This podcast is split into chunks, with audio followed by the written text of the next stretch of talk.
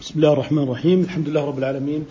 والصلاة والسلام على سيد الأولين والآخرين سيدنا محمد وعلى آله وأصحابه أجمعين.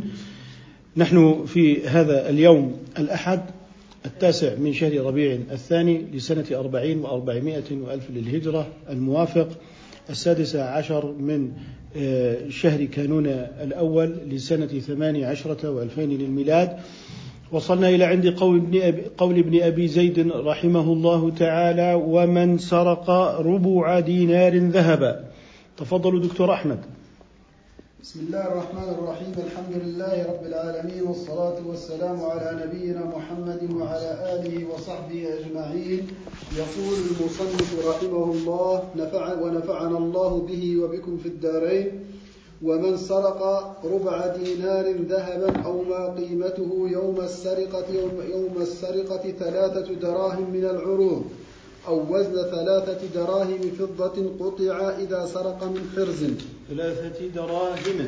ثلاثة دراهم فضة قطع إذا سرق من حرز. ولا قطع في الخلسة ويقطع في ذلك يد الرجل والمرأة والعبد. ثم إن سرق قطعت يد رجله من خلاف ثم إن سرق فيده ثم إن سرق فرجله ثم إن سرق جلد وسجن. ومن أقر بسرقة قطع, قطع وإن رجع أقيل.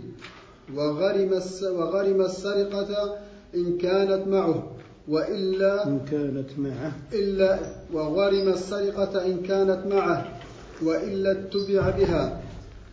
ومن أخذ في الحرز لم يقطع حتى يخرج السرقة من الحرز وكذلك الكفن من القبر.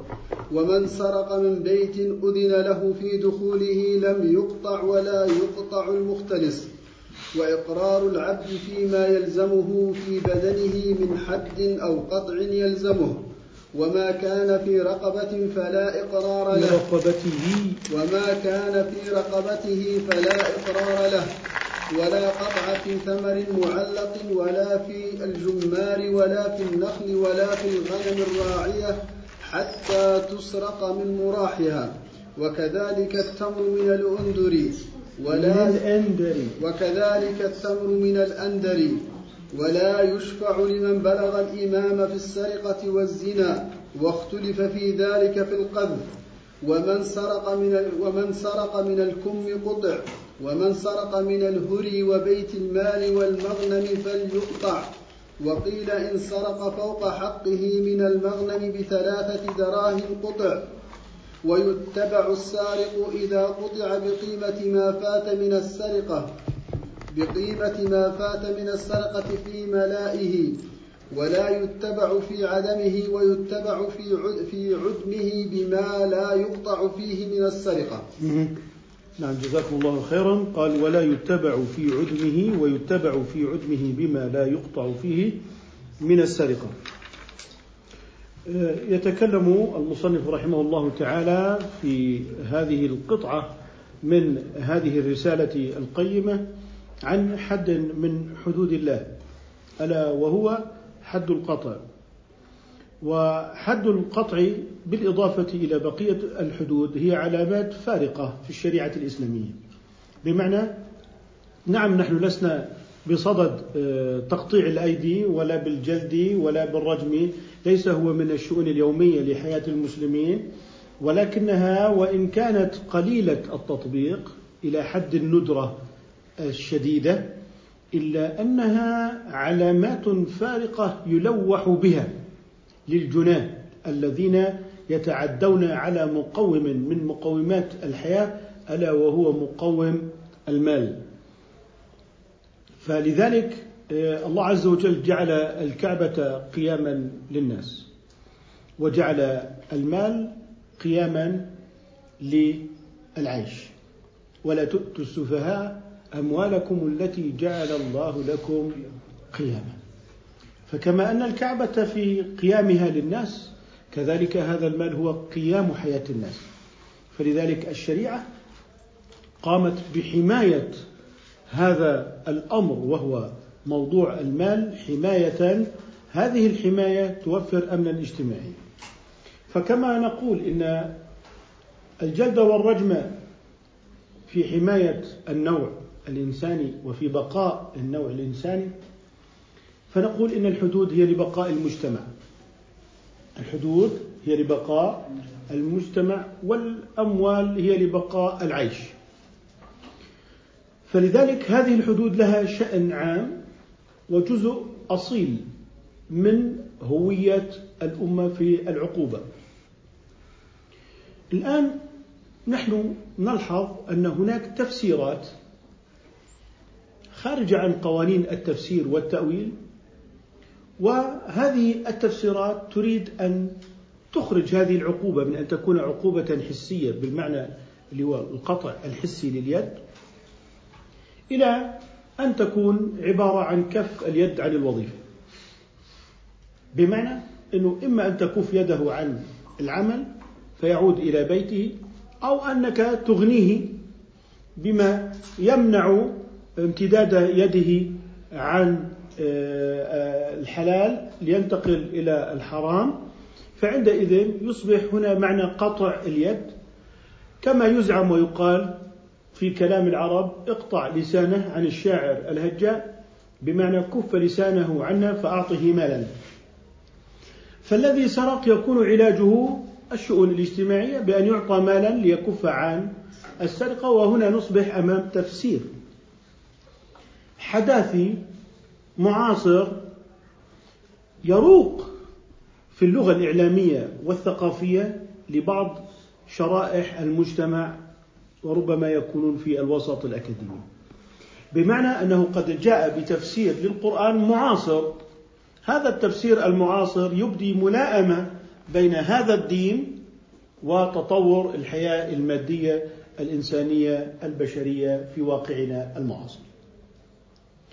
بناء عليه سيؤدي هذا التفسير إلى هذا الإسقاط للحد الحسي وهو القطع والاكتفاء بعقوبة قد تكون هي عقوبة السجن مما يعني أن تطبيق النبي صلى الله عليه وسلم للقطع كان تطبيقا خاطئا وقد فهم الحدثيون أو هؤلاء الذين يريدون أن يقرأوا قراءة معاصرة وهي حالة من الهوس الفكري. أنه فهم من كتاب الله ما لم يفهمه من تنزل عليه ذلك الكتاب وعلى من يشرح ويفسر ذلك الكتاب وهو رسول الله صلى الله عليه وسلم.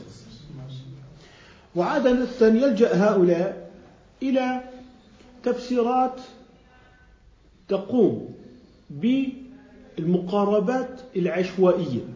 بمعنى في هذه الكلمة القطع يأتي لك باستخدامات القطع في القرآن الكريم. كقوله تعالى فهل عسيتم إن توليتم أن تفسدوا في الأرض وتقطعوا أرحامكم؟ فلا يكون التقطيع للرحم حسيا إنما هو قضية إيه؟ معنوية. ثم يأتي بعد ذلك يقول لك وتقطعون السبيل في القرآن الكريم واستخدمت بالمعنى المعنوي بناء على عدة استعمالات لهذه الكلمة. في المعنى المعنوي إذا نريد أن نحمل هذه الكلمة في آية السرقة والسارق والسارقة فاقطعوا أيديهما. نريد أن نستخدم ذلك بالمعنى المعنوي وهو المعنى المجازي وليس القطع الحسي.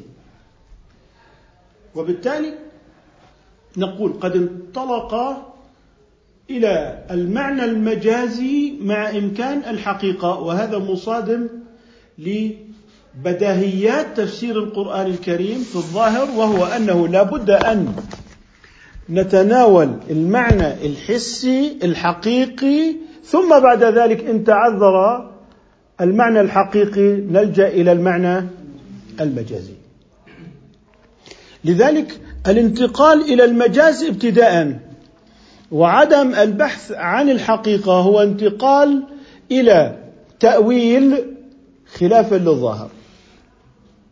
ثم بعد ذلك نشر ذلك في مساحات الوسط الفضاء التواصلي الموجود في الإنترنت بمعنى أن هذا التفسير الساذج هو الملائم للطبع الذي يسود اليوم بمعنى الكلام الإعلامي الثقافي الذي هو أسهل تناولا لدى الإنسان العادي من الخطاب الفقهي الأصولي الذي يتميز بدسومته العلمية. فنصبح أمام حالة وهي أن مجتمعاتنا تتعلق بالخطاب الإعلامي الثقافي وأصبحت أقرب منها إلى الخطاب الفقهي العلمي. مما يعني أن هناك كثرة من محبي الغرابة ومحبي الدهشة. سيجدون في هذه التفسيرات ما يجعل دينهم ملائما للواقع وهذا يعفيهم من تحمل المسؤولية والواجب تجاه الشريعة طالما أن الواقع أصبح هو الشريعة ويصبح متدينا بالواقع بعيدا عن الشريعة.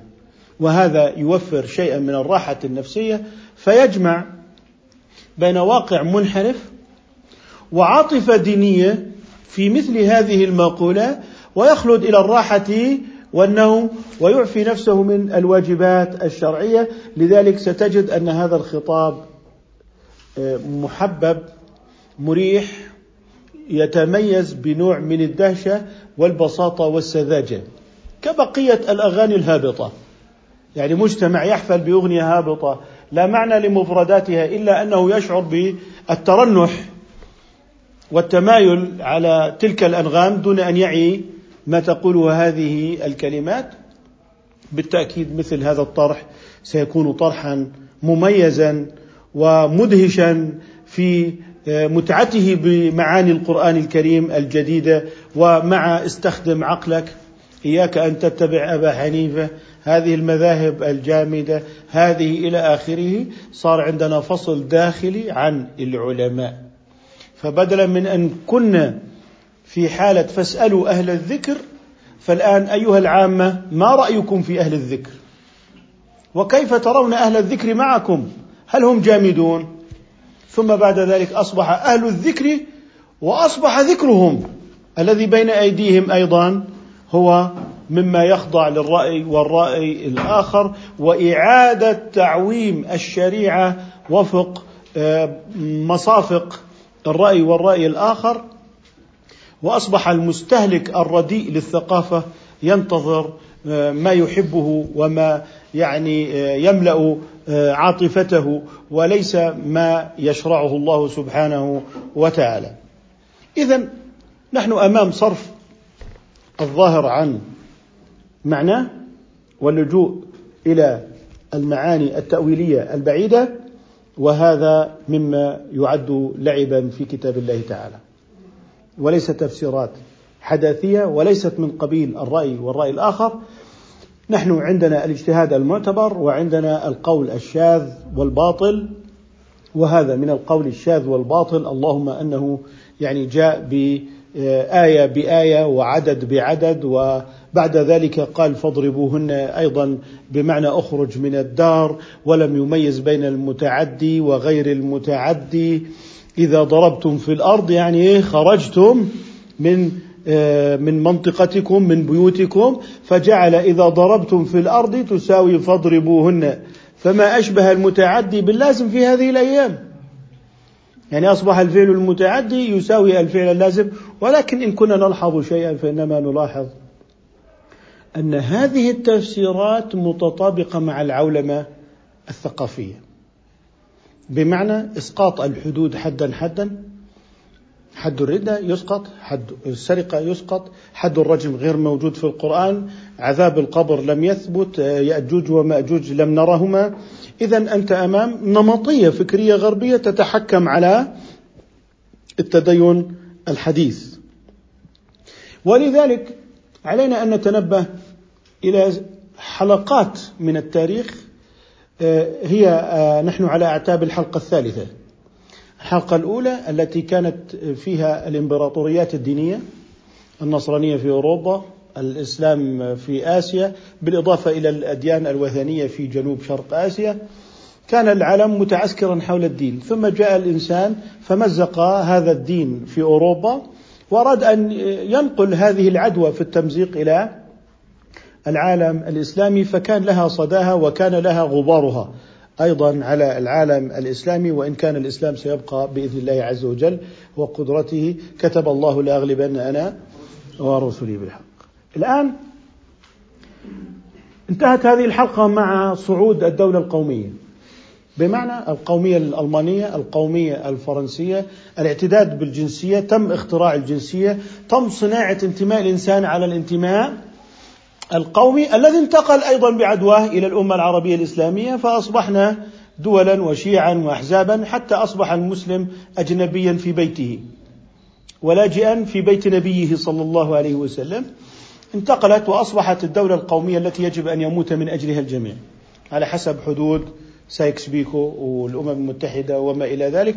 هنا يجب أن تموت من أجله وهنا يجب أن تقاتل وتقتل من هو وراء هذا السطر اللي هو الحدود. الآن الدولة القومية بدأت بالتلاشي وبدأ هناك عولمة ثقافية بمعنى أصبحنا أمام منظمات رأسمالية شركات كبرى متعددة الجنسيات مسيطرة على قطاع كبير من اقتصادات العالم تذهب وتستثمر في الهند بعيدا عن الولايات المتحدة التي فيها الأجور عالية وفيها الضمانات الصحية وفيها التكاليف الباهظة. فبدأ هذه الشركات الكبرى متعددة الجنسيات تنقل رؤوس الأموال الهائلة من مكان إلى مكان وأصبحت الدولة القومية في بعدها القومي ضعيفة جدا أمام هذا التغول الرأسمالي وأصبحت الدولة خادمة لرأس المال. بل أصبحت الدولة تبيع جنسيتها لمن يدفع مالا بمعنى إذا أردت أن تحمل جنسية هذه الدولة كم معك من المال؟ فتستطيع أن تشتري آه، أي انتماء لأي دولة وأن تشتري المواطنة. فبينما الفقراء يموتون من أجل الوطن هناك من يشتري هذه المواطنة حتى أصبح الوطن للأغنياء والمواطنة للفقراء. بناء عليه أصبح هناك إتجار حتى بالانتماء الوطني أصبح هناك ادفع مالا الآن تصبح عندنا من المقربين. بينما إذا لم يكن معك مال فعليك أن تذهب إلى ذلك الصندوق لتجلس فيه بوصفك لاجئا. لتجلس فيه بوصفك لاجئا. إذا نحن أمام شركات متعددة الجنسيات لها أذرع ثقافية. هذه الأذرع الثقافية تريد أن تزيح كل عقيدة تقف في وجهها. كل شريعة لها آه، تنظيم عالي بحيث تكون قادرة على الجمع بين الاقتصاد والسياسة والتشريع يجب أن تزاح هذه الشركات متعددة الجنسية التي أصبحت هي أقوى من الدول لها منظمات ثقافية تعيش على أموالها. ويجب عليها أن تزيح أي ثقافة يمكن أن تقف في وجه العولمة الثقافية التي تقوم بتمييع التفكير الإنساني وتحويل الإنسان إلى كائن اقتصادي منتج مستهلك. تحويل الأسرة إلى وحدة اقتصادية بين الزوج والزوجة والأولاد. لا فرق بين ولد وبنت كلهم شركاء في هذا البيت. لا فرق بين الزوج والزوجة أنتم شركاء ماليين الآن يصطدم بالولاية يصطدم بالقوامة يصطدم بالمواريث في الإسلام يصطدم بحد الردة يصطدم الذي هو حامي للعقائد في وجه هذا التغلغل. يصطدم بالغيبيات فيخترع فكرة أنه ما بنآمن بعذاب القبر لأننا لم نره لا بحثنا بالأجهزة بالأدوات. كذلك يأجوج وماجوج إذا نحن أمام عولمة مادية رأسمالية ثقافية. وبالتالي كانت آه، في السابق الدين ثنائية مع العقل. الآن أصبح السائد في العالم هو المالك الفرد. هو المالك الفرد هو محور هذا العالم. من ليس داخلا في قطاع الإنتاج ولا في قطاع الاستهلاك ليس قادرا على الشراء فلتأكله الكوارث فلتذهب به الفيضانات والحروب لا حاجة لنا به. لذلك إذا رأيت هذا الموت الزؤام يملأ الدنيا فهذا لا يقلق رأس المال لأن الأرباح تسير وفق المعتاد. هناك حركات في فرنسا هناك حركات في أوروبا. حركات بدأت بالنقمة على رأس المال والصدام بسبب صناعة الفقر الذي يصنعه رأس المال الذي أصبح يعني يتغول على الموارد والخيرات في المجتمعات. أنت في الدول اللي هي العالم الثالث أو في غيره أنت تبكي من أجل أن يأتيك الاستثمار الأجنبي. فإذا جاءك الاستثمار الأجنبي بكيت منه. فإذا خرج بكيت عليه. أنت ستبكي في كل الأحوال. لذلك تحويل الإنسان إلى كائن اقتصادي هو ديدن هذه المنظمات الثقافية لكنه اصطدم بنظام الأسرة في الإسلام، نظام المواريث والولاية والقوامة، نظام العشيرة الممتدة، نظام الحدود في الإسلام. ويجد أن في هذا الحد الشرعي الذي هو بين أيدينا اليوم في هذه الحلقة الثالثة المقبلة علينا أنه سيكون سببا من أسباب آه، إعاقة هذه المنظمات الثقافية التي تمتلك الأموال ثم تذهب وتبحث بين أبناء المسلمين من يتولى أفكارها إلى حد أن تقام اجتماعات لإثبات الولد خارج إطار الزواج لإثبات الشرعية لأبناء الفواحش. لذلك ما الحرام مع الفكر الحرام لإنجاب الأولاد الحرام؟ هذا هو الملخص الذي ينبغي أن يكون طالب الشريعة فاهما له جيدا وأنه عندما يأتي ليهدم حدا من حدود الشريعة كان السرقة أو الردة أو الغيبيات كعذاب القبر أو يأجوج ومأجوج وما إلى ذلك فإنهم لا يتعاملون مع جزئيات صغيرة إنما يتعاملون معنا على أنهم هم العولمة ولكنهم ينفردون بنا واحدا واحدا ومسألة مسألة. لذلك علينا أن نجمع مسائلنا كلها في صعيد واحد نقول هذه مسألتنا جميعا وهذه الكليات هي لنا جميعا ونحن حراس لهذا الدين ولن نغير في ديننا شيئا وإنما تقول تقولونه من الاعتراف بالآخر أنتم لا تريدون الآخر أصلا أنتم تريدون إذابة الآخر وأنتم تريدون إلغاءه تماما كما هو تاريخكم الذي يشهد لكم في آه، حقبتكم الاستعمارية.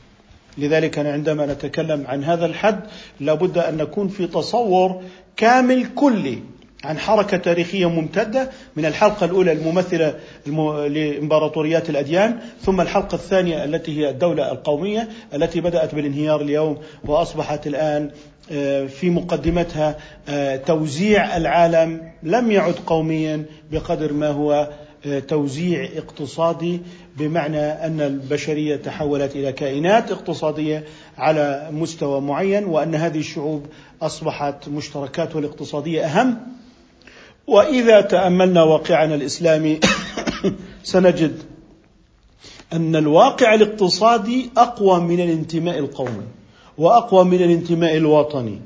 وإن الشعوب بعشرات الملايين آه، تقف على باب صندوق النقد ليقرضها مبالغ زهيدة من من أموالها. من أموالها هي كل ذلك بسبب تغول الرأسمالية التي لها جناح ثقافي. وهو هذا الخطير الجناح الثقافي عبر منظمات فكرية تلغي اللغة المخالفة للغة بمعنى تجد تمويلات للغات الأجنبية بينما تجد أن اللغة العربية أصبحت ضعيفة على ألسنة أبنائها.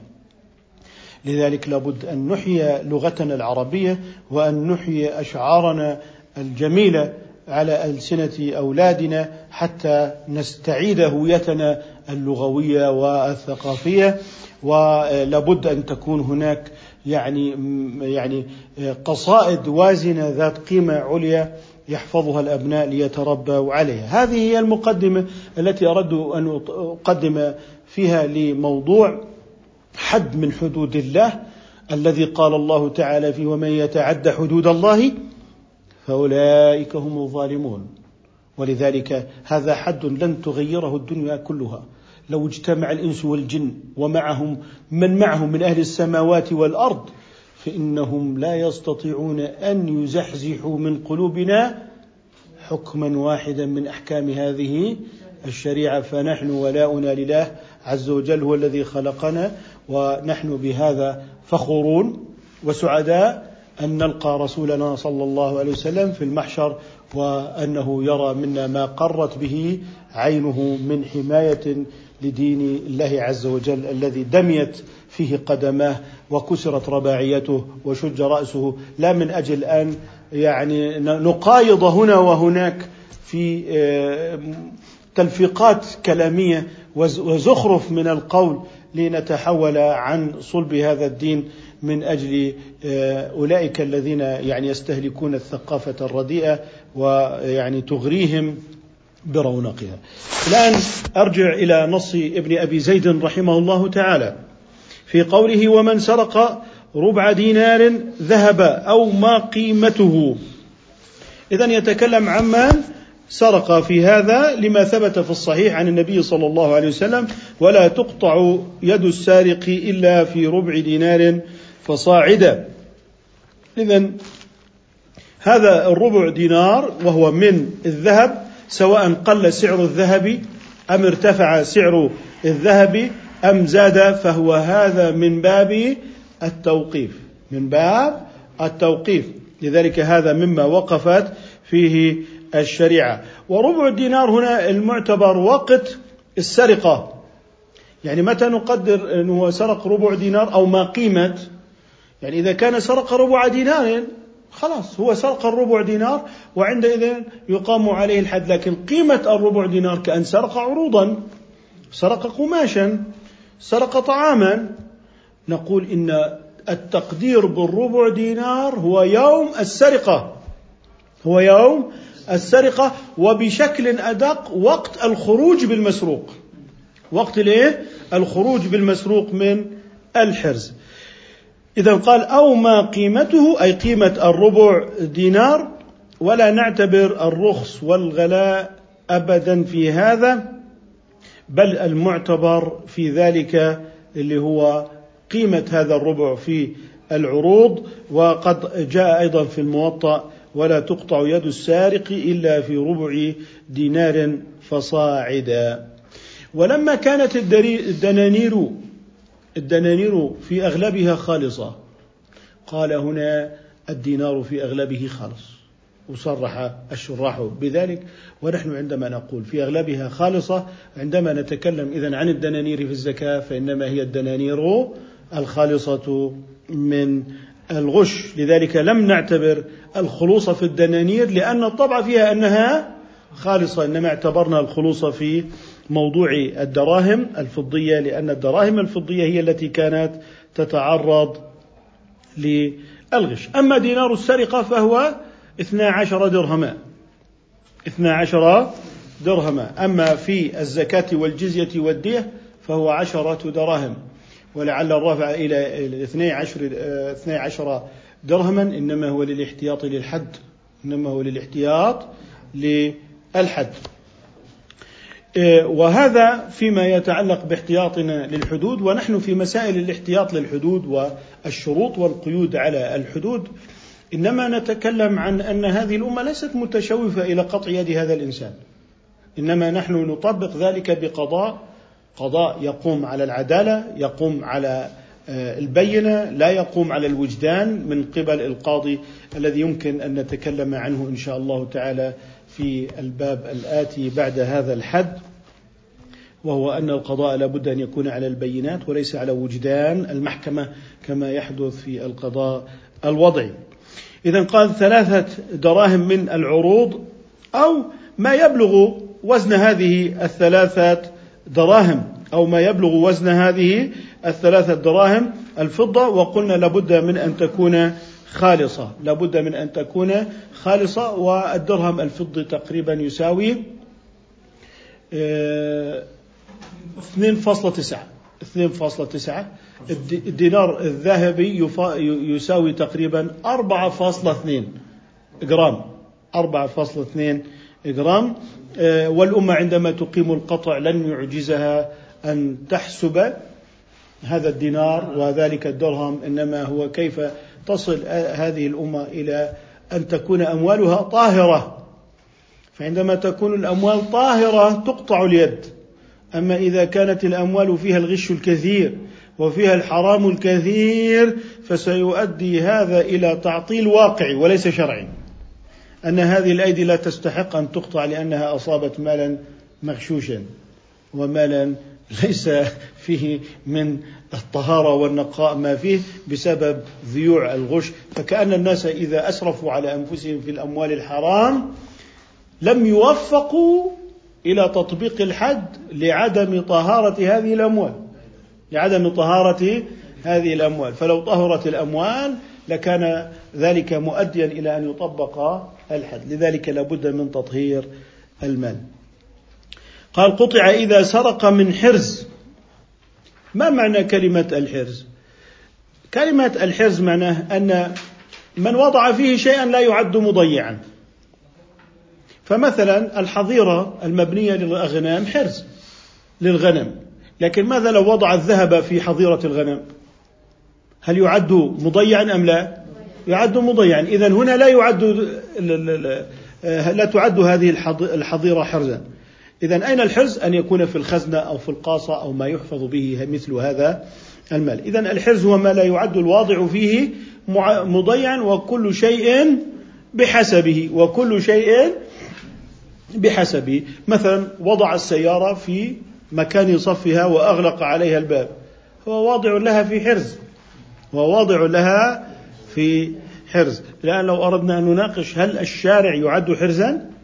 هذا الأمر يكون تحقيق مناط. فإذا وضعنا هذا المعيار ما لا يعد الواضع فيه مضيعا. أنا أوقفت سيارتي في الشارع. وهنا هذا الشارع أنها لست مضيعا. كذلك هذه السيارة فيها حماية إلكترونية مفتاح إلكتروني فيها فيها ما فيها. إذا هذا الرجل عندما يقتحم هذا الباب وهذه السيارة هو أتى باقتحام محميات إلكترونية أقوى من باب الدار. الذي هو بقفل حسي مادي وليس اللي هو إلكتروني. كذلك السرقة من الحسابات الجارية والبنوك. تقيم الفايرول وتقيم جدر من الإنترنت الحامية عبر هذه البطاقات. فمن دخل من بيته وقام باختراق هذه الجدر ثم قام بتحويل من الحسابات هذه إلى حسابات في بلاد أخرى ثم أخذ هذا المال فإن الجدار الإلكتروني هذا يعتبر حرزا لماذا؟ لأنه أكثر حماية من قفل الباب ومن باب أولى أن يكون كذلك وهذا ما ذكرته في بحث لمعالم الجريمة الإلكترونية وهو سينشر قريبا إن شاء الله في دار الحديث الحسنية في المملكة المغربية سواء كانت جريمة التجسس الإلكتروني والسرقة الإلكترونية فهذا مما يعني ينبغي أن نحقق فيه المناطات. فنحن نحقق المناط. ما هو المناط؟ ما لا يعد الواضع فيه مضيعا عرفا. مضيعا عرفا. بل على العكس. ربما يكون الهاكرز كونهم يسلبون على طريقة لا غوث فيها. كالساحر تطبق عليهم إذا أردت أن تناقش فيها حرابة. فيها حرابة. أنت يعني تستقل فرق بين أن يسرق فلان وأن يسرق النظام المصرفي الذي تقوم عليه أمة كاملة. أنت تعلم أنه إذا سرق بنك بهذه الطريقة ماذا سيؤثر ذلك على النظام المصرفي كله؟ قد يؤثر ذلك على النظام كامل وربما يؤدي إلى انهيار أيضا. بمعنى أنك تجلس في بيتك أفضل حرز جعلته وهو أفضل من بيتك. ما هو؟ البنك. فعندما تقول أيهما أفضل النقد في بيتي أم في البنك؟ ستقول البنك. طيب البنك له حارس وله كذا وله قاصات. طيب فمن تغلغل من خلال الحسابات بالبرامج الرقمية الدقيقة. واستطاع أن يحول ملايين بعد اقتحام الفيروول والجدر الإلكترونية الحامية. تقول إن هذا لم يأخذ من حرص أهلك النظام المصرفي. الناس كانوا يثقون بهذا البنك أكثر من بيوتهم. فلو سرق من بيت الإنسان تقيم عليه الحد. فكيف بما وثق الناس أنه أكثر ثقة من بيوتهم؟ فمن باب أولى أيضا أن تقيم عليه هذه العقوبة على شرط توافر الشهادات أو الإقرار من البينات التي يمكن أن تعتمد في هذا الباب.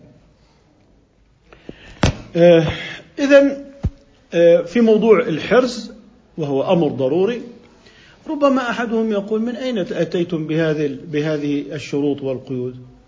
اللي هو أخذ مال من حرز فوق ربع دينار مثلا. ومن أين أتيتم بهذا الكلام؟ أين الدليل من السنة على أن الحرز هو ما لا يعد الواضع فيه مضيعا أو تطبيقات الأمة فهم الأمة قضاء الصحابة. فالصحابة رأوا كيف قضى النبي صلى الله عليه وسلم. وليس كل ما يمكن أن يذكر لابد من كتابته فقد نقلوه عملا. بالقضاء والإفتاء وإن لم يكن مدونا في آه، كتب الرواية إلا أنه مدون في مصادر الفقه. إذا ولا قطع في الخلسة اللي هي أخذ المال ظاهرا عن غفلة. يعني أنت على سبيل المثال اختلس من جيبك أحد نعتبره هذا قطع. لكن أنت على سبيل المثال آه، جاء أحدهم وعندك آه، أشياء وضعتها هنا غبت عنها غفلك فأخذها. الحافظ مش موجود. الحرز بالحافظ. تمام؟ إذا أخذ منك خلسة فهذا لا قطع فيه. الخلسة لا قطع فيه. سيأتيك في من أذن له بالدخول والخروج بمعنى عندك واحد من صندوق يتعامل مع الصندوق أمامه المال محاسب. سيأتيك أنت أذنت له بتداول هذه النقود ووضعها فعنده لو سرقها فإنه لا يقطع.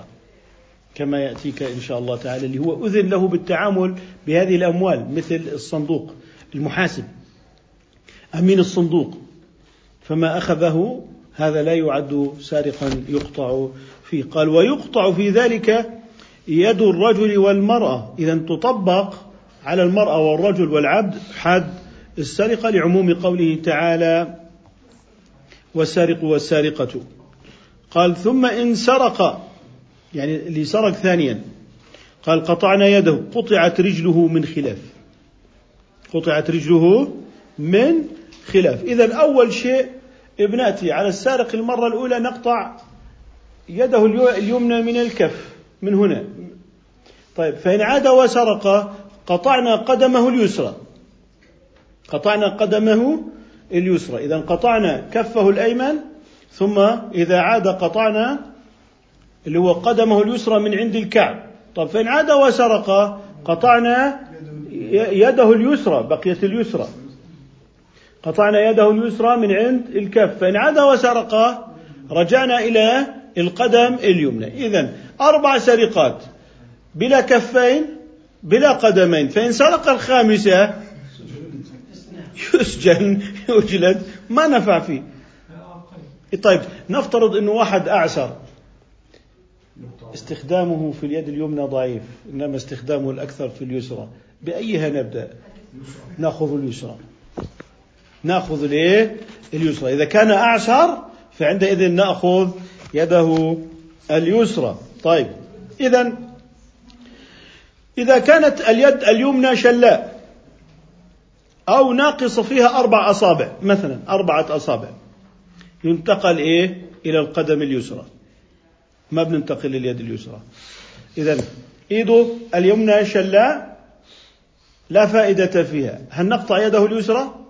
لا ننتقل فنقطع قدمه اليسرى. إلى قطع القدم اليسرى. أما موضع القطع فهو في اليدين من الكوع اللي هي الرسغ إحنا نسميها مفصل الكف وفي القدمين من الكعبين ومن القدمين من الكعبين. فإن عاد وسرق يسجن يحاسب المهم ما عاد شيء يقطع. ما عاد شيء يقطع. يعني أصبح دحموس.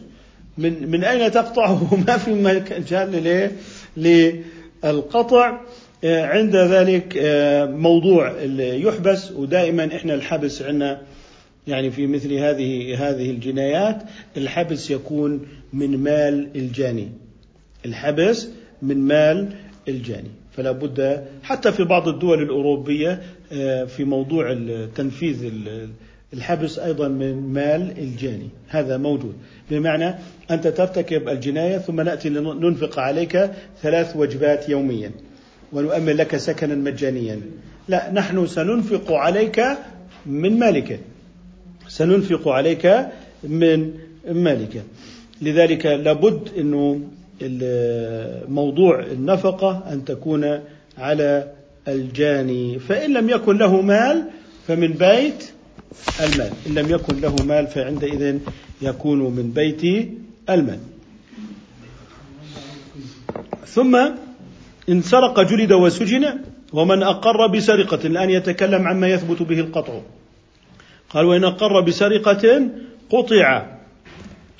هذا في موضوع من أقر على نفسه بالسرقة. الكهرباء والواي فاي والأشياء مثل هذه. طيب السرقة حتى تكون سرقة لابد أن يكون المسروق له قيمة مالية. حتى نعتبره سرقة. فمثلا هناك برامج وهناك برمجيات لها قيمة مالية وتباع عبر الإنترنت ولذلك حيث كانت هذه البرمجيات لها حماية ولها حرز عندئذ نقول إن هذه البرمجيات أصبحت في مجال التمويل وأخذت من الحرز. لكن نفترض انه شخص جاء إلى هذه البرمجية على سبيل المثال مفتوحة فاشتراها فهو كما اشترى مالا مسروقا. وبالتالي لا نطبق على من اشترى الأقراص المدمجة التي لها قيمة مالية وقيمتها المالية في برمجياتها وليست في قيمة القرص الزهيدة وبالتالي نقول إن هذه البرمجية التي يعني سرقت لها قيمة مالية وقد سرقت من حرزها سرقت من إيه؟ من حرزها وطبعا هذا الكلام الذي نقوله نقوله من باب ليس الفتوى الآن إنما نقوله من باب قدح آه، العلم وقدح الآراء للتداول وإلا فلا بد أن يكون الذي يتخذ قرارا في هذا أن يكون يعني آه، مجامع فقهية لها الوزن. نحن سنقطع يد إنسان ولا بد أن نذكي هذا الشعور في نفوس طلاب الشريعة. بمعنى أننا في مثل هذه المسألة الوازنة التي يترتب عليها قطع إنسان فك حماية عن برنامج. الآن فك الحماية هذه ثم بعد ذلك باعه. هل سنعتبر فك الحماية هذه بمثابة السرقة كما قلنا في الفاير وول والبنوك؟ الآن هناك تشابه كبير لكنك ربما تسمع علماء آخرين ربما يعني هؤلاء العلماء يعني يكونون آه، أبدوا من آه، الفوارق المؤثرة في الحكم ما لم يدر بخلدنا ولم يدر ب حسباننا فلذلك لابد من التداول على نطاق الأمة في مثل هذا الأمر. أما ما قلناه اللي هو السرقة مثل الفيديوهات الخاصة فهذه ينطبق عليها حكم التجسس. ينطبق عليها حكم التجسس ولا يريد مالا إنما يريد أن يهتك أسرار الناس. يريد أن يهتك إيه؟ أسرار الناس. فيريد أن يأخذ صورا معينة لها خصوصية فيديوهات معينة لها خصوصية. لذلك هو الآن ينطبق عليه حكم التجسس. ليه؟ لأن ما يأخذه من هذا الفيديو السري الخاص ليس له قيمة مالية إلا ربما تصبح له قيمة مالية في عالم الفضائح بمعنى أن هناك من الخصوم والأعداء سيشترون مثل هذه المادة اللي هي الفيديو لأجل أن يعني آه، يصفوا حسابات معينة مع هذا الشخص وهذا من التجسس الحرام ولا يجوز أن يكون من الشأن العام. هناك وزير آه، مثلا فاشل مرتشي فاسد لا يحق لي شرعا أن أدخل إلى حياته الخاصة ثم أستخرج صوره ثم بعد ذلك أنشر هذه الصور وقد ستر من نفسه ما ستر ثم بعد ذلك أريد أن أقول أنا أريد أن أنصر الدين وأنصر الأمة ومن باب خدمة المجتمع. نحن نقول القضايا الخاصة مصونة ويجب أن تبقى مصونة شرعا ولك أن تحاسبه في عمله وفي واجبه. ليس في نطاق تتبع داخل بيت هذا الإنسان فربما يعني فعل ما فعل واستتر عن الناس ولا يجوز لك أن تهتك ستر هؤلاء الناس. آه، السرقة من الواي فاي هناك حمايات ضعيفة. يعني بعضهم يكون حماية ضعيفة بعضهم لم يفعل هذه الحماية. تمام؟ ربما يعني تحتاج هذه القضية إلى مسألة إفاضة خصوصا أن الحماية فيها ضعيفة. يعني الناس الذين لهم هذه الخدمة يعني لا يجتهدون في حمايتها كثيرا. لماذا؟ لأنه مثل الشيء الذي يعني لك أن تأخذ منه بلا حد. مثلا أو المدة المسموحة أو حجم الميجات أو الجيجات التي تمنح لك هي واسعة وبالتالي لم يعد يبالي الإنسان بحماية هذا. موضوع الكهرباء سرقة الكهرباء. إذا جئنا إلى سرقة الكهرباء وقدرنا أن هذه الكهرباء محفوظة بأسلاك عالية بعيدة عن أيدي الناس ثم بدأ الناس يحفرون حول هذه العدادات وما إلى ذلك ويتلاعبون بها. أيضا هذا الأمر يحتاج إلى يعني في موضوع الحد وأنا أقول في موضوع الحد يعني من حيث التحريم لا نختلف في التحريم. هذه شركة كهرباء لها مساهمون وأنت تسرق المساهمين. ليس بدعوى الظلم أنك تظلم الآخرين. ليس معنى أنك مظلوم إذا تسرق الماء. ليس معنى أنك معارضة إذا تسرق الحكومة لأن هذه في النهاية هي أموال. عامة وقد فرضت الشريعة في حفظ المال العام للمسلمين ما لم تفرضه في غيره. ثم قال ثم آه، قال ومن أقر بسرقة قطع فإذا أقر بهذه السرقة عندئذ آه، قطع فإن رجع عن إقراره. لم نطبق الحد ولكن يلزمه المال الذي أقر به. إذا عاملناه مع قضيتين. إن هو من سرق من سرق آه، ثم يعني أقر ونفذنا عليه الحد انتهينا منه. أحدهم جاء مقرا. فأردنا أن ننفذ الحد فقال أنا لم أسرق. قلنا له ندرأ عنك الحد لكن المال الذي أقررت بسرقته يلزم ذمتك. لأنه إحنا أمام جزئين. قضية جنائي وقضية إيه؟ بيسموها هم معاملات مالية. لكنه رجع عن إقراره. ولو, ولو بعد أن يرفع عنه القاضي؟ هو أمام القاضي أقر بالسرقة ثم رجع عن الإقرار. فرجع عن الإقرار. إذا ثبتت السرقة بالإقرار. لكن لو ثبتت بالشهود لا ينفعه أنه أقر أو لم يقر. لذلك يلزمه في المال ولا يلزمه الحد. أما ذاك الذي يعني قطع وذاك بالشهود وما ثبت بذلك وقطعت كفاه وقطعت قدماه وقلنا يسجن حتى تظهر عليه أمارات التوبة. حتى تظهر عليه أمارات التوبة. يعني ما في عفو عام. عفو عام عن الجناة والمجرمين قبل أن تظهر توبتهم ثم تعيد إطلاقهم إلى المجتمع. ويبدأ الشرطي بالبحث من جديد. دوامة. لا.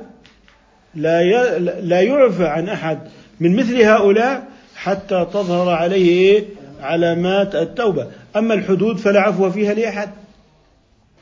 لذلك هناك يعني مبحث فيما يمكن أن نتناوله فيما بعد في موضوع البينات والقضاء استقلال القضاء. سنتبين أن القضاء في الإسلام أكثر استقلالا من القضاء في ضوء القوانين المادية الدنيوية اللادينية. بسبب آه، هيمنة الإنسان وسلطة الإنسان العالية المطلقة أصبح القضاء فوقه سلطة أخرى مطلقة. يعني قضاء حكم بإعدام في بعض البلدان العربية أمضى 25 عاما ثم أطلق لأنه رئيس الدولة لم يوقع مرسوم تنفيذ الإعدام. ولذلك يعني آه، سنجد أن الشريعة فيما بعد إن شاء الله تعالى حريصة جدا على تنفيذ الأحكام بعدالة والعفو في الحدود غير ممكن غير ممكن لو اجتمعت الإنس والجن. لذلك قال آه، ومن أخذ في الحرز يعني أخذ في الحرز يعني بعده ما زال في البيت يعني حرامي ألقينا القبض عليه في البيت. هذا أخذ بالحرز هذا إيه؟ محبوب. هو بالنسبة له ما زبطت السرقة. ومسك عليه متلبس لكن إذا ما خرج بالمسروق من البيت. هذا عندئذ قال ومن أخذ في الحرز لم يقطع حتى يخرج السرقة من الحرز. حتى يخرج السرقة من إيه؟ من الحرز.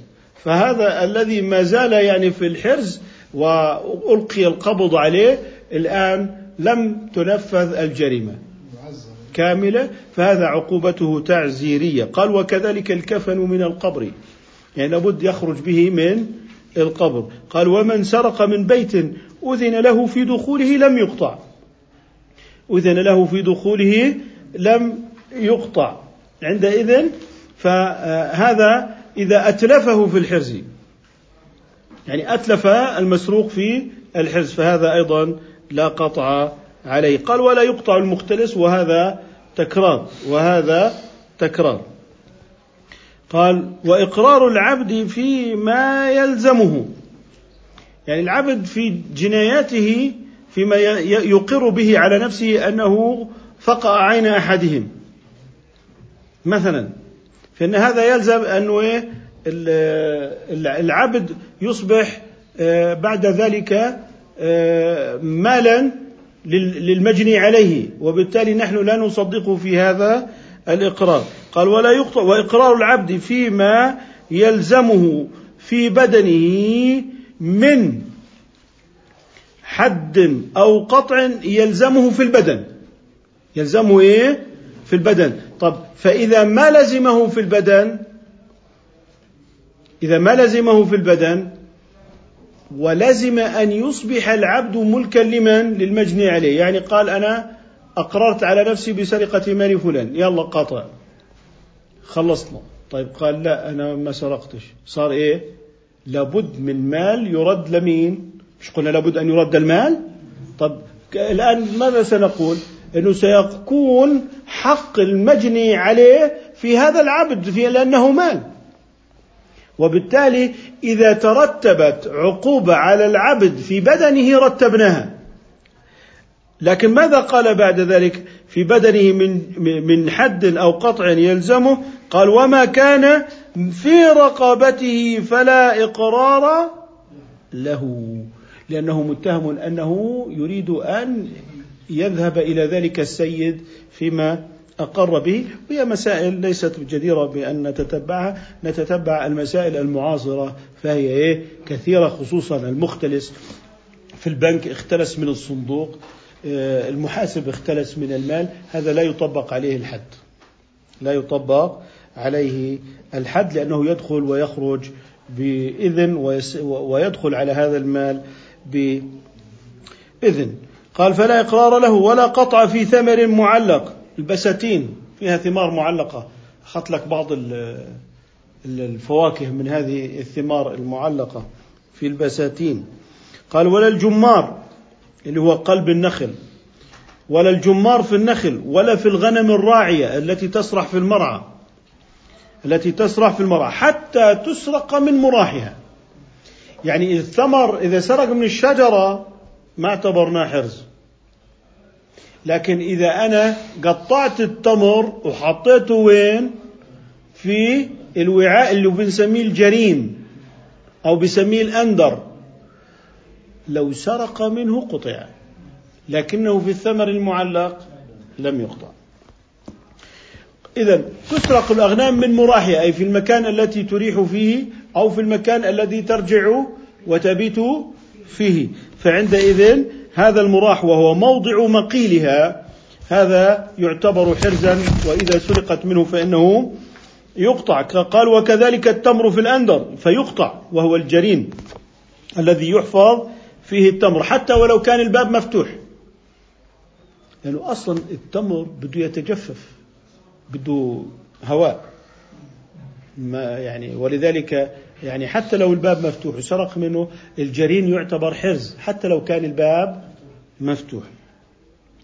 قال ولا يشفع لمن بلغ الإمامة يعني إذا وصلنا الإمام لا شفاعة. في السرقة والزنا. هذا محل اتفاق. قال واختلف في ذلك في القذف والمعتمد أنه إذا بلغ الإمام الحد. المعتمد أنه إذا بلغ الإمام فلا بد من الحد. قال ومن سرق من الكم. اللي هو من الكم تعرفوا بعض الأكمام الواسعة ومثل الجيب والعمة. يعني واحد حط فلوسه بعمته كانوا ينزلوا على السوق يحطوا في عمته. الآن في المحفظة. يعني واحد سرق لك من المحفظة سرق منك المحفظة. هذا سارق يقطع. لذلك سنجد أنه النشال آه لأنه لأنه أنت حرز وهذا جيبك. وهذا إيه؟ جيبك. هذا إيه؟ يقطع فيه. أخذ من من جيوبك. تمام؟ اللي هو السرق والحزام. أنت أحيانا بعض الناس بتحط بالحزام. لذلك هذا يعني مما يقطع فيه. قال ومن سرق من الكم قطع ومن سرق من الهري. الهري اللي هو بيت الطعام. بيت يجعله السلطان. للطعام وبيت المال والمغنم فليقطع. ما بنقول هذا والله مال عام روحوا على الدار لا اقطع. أصلا كل الفساد في الدنيا هو في المال العام. استباحة المال العام. فلا يوجد تخفيف لمن يتعدى على المال العام. لذلك الذين يتعدون بالفساد على المال العام أن يخافوا من السادة الملكين لأنهم إن تولوا أمرهم فيا خسارة أيديهم ويا خسارة أقدامهم ويا خسارة ظهورهم التي ستجلد حتى تظهر عليهم أمارات التوبة في السجن. يعني يقصقص فيه قص اليمنى ثم القدم اليسرى ثم اليد الكف اليسرى ثم القدم اليمنى. بعد ذلك هل يترك؟ لا. تعال هناك جلد وسجن ومن حسابك الخاص. ومن حسابك الخاص حتى تظهر عليه علامات التوبة. عفو عام لا نريد أن نتعب مرة أخرى وأن يتعب الشرطة. بكفي الشرطة واجباتهم الكثيرة. بعد ذلك يعيد البحث عمن كانوا يبحثون عنهم. حتى أضناهم البحث حتى أودعوهم السجن. وبعد ذلك نقول لهم اذهبوا. طيب عفو عام. افترض الآن عفو عام إنسان حكم أمس ثلاث سنين. ما قضى منها شيئا عفو عام. طيب واحد بعد العفو العام حكم بيومين. ما في أين العدالة؟ طبعا هذا من مثار مناقشاتنا في تحفة الحكام.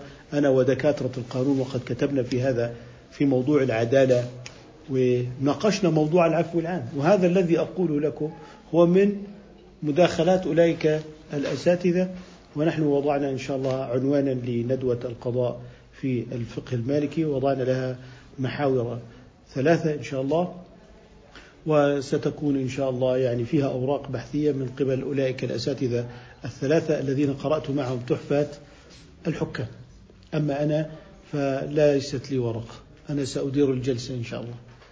وهذا كافي وهذا كافي. وكل تقارير الجلسات أنا أكتبها وكل التحرير الجلسات أنا أكتبها وأعمل كل شيء في هذا. والأساتذة يناقشون مناقشات ثرية ومفيدة. فإحنا انتهينا من الجلسة الثانية عشرة. الحمد لله رب العالمين. والإخوة وهم أساتذة قانون مميزون في أصول المحاكمات والمدني والقضاء. وهناك يعني الدكتور خالد السمامعة يعني قاضي استئناف وله أحكام تحولت إلى قرارات هيئة عامة بقوة القانون. ولذلك أساتذة أجلاء سيكون لهم دور إن شاء الله في المستقبل للتدريس في هذه الكلية. لأنهم يؤسسون لمناقشات علمية دقيقة جدا وسيشاركونكم هذه المعلومات إن شاء الله وسيكون هناك بوادر لهذا العمل وممكن يكون هناك أيضا آه، مداخلة من قبل الأخ الدكتور عماد في موضوع التعريف بمحمد الخضر الشنقيطي. فنرجو أن يكون جاهزا. بارك الله فيكم آه، نحن لا ننام. نحن نعمل. نحن نعمل بصمت. طيب قال وبيت المال والمغنم فليقطع. وقيل إن سرق فوق حقه من المغنم بثلاثة دراهم قطع. وهو قول ضعيف. إذا من سرق من المغنم قطع. حتى لو كانت له شبهة ملك في ذلك المغنم وأنه سيقسم عليه. إذا سرقت من المغنم ستقطع. ويتبع السارق إذا قطع بقيمة ما فات من السرقة في ملائه. ولا يتبع في عدمه. يعني السارق الذي سرق فإنه إذا قطع بقيمة ما فات في حال الملاء يعني سرق مبلغ وعنده مال وقطعناه بنأخذ المال المسروق. أما في العدم إذا كان فقيرا نكتفي بالقطع ولا نجمع عليه العقوبتين. طيب ويتبع في عدمه بما لا يقطع فيه. يعني سرق أقل من ربع دينار لا يقطع. صح؟ إذا هذا يتبع في عدمه أيضا. طيب لو أنه أقر بأنه سرق عشرة آلاف دينار ثم رجع عن الإقرار هل قطع؟ لم يقطع. يتبع بالعشرة آلاف في ملائه وفي عدمه. إذا حيث لم يطبق الحد فيتبع في ملائه وفي عدمه. طيب حيث طبق الحد فيتبع بالمال المسروق في عدمه في ملائه في ملائه وليس في عدمه حتى لا نجمع عليه عقوبتين. نكتفي بهذا القدر إن شاء الله تعالى. سبحانك اللهم بحمدك نشهد أن لا إله إلا أنت نستغفرك ونتوب إليك. أشكر لكم حسن استماعكم وإصغائكم.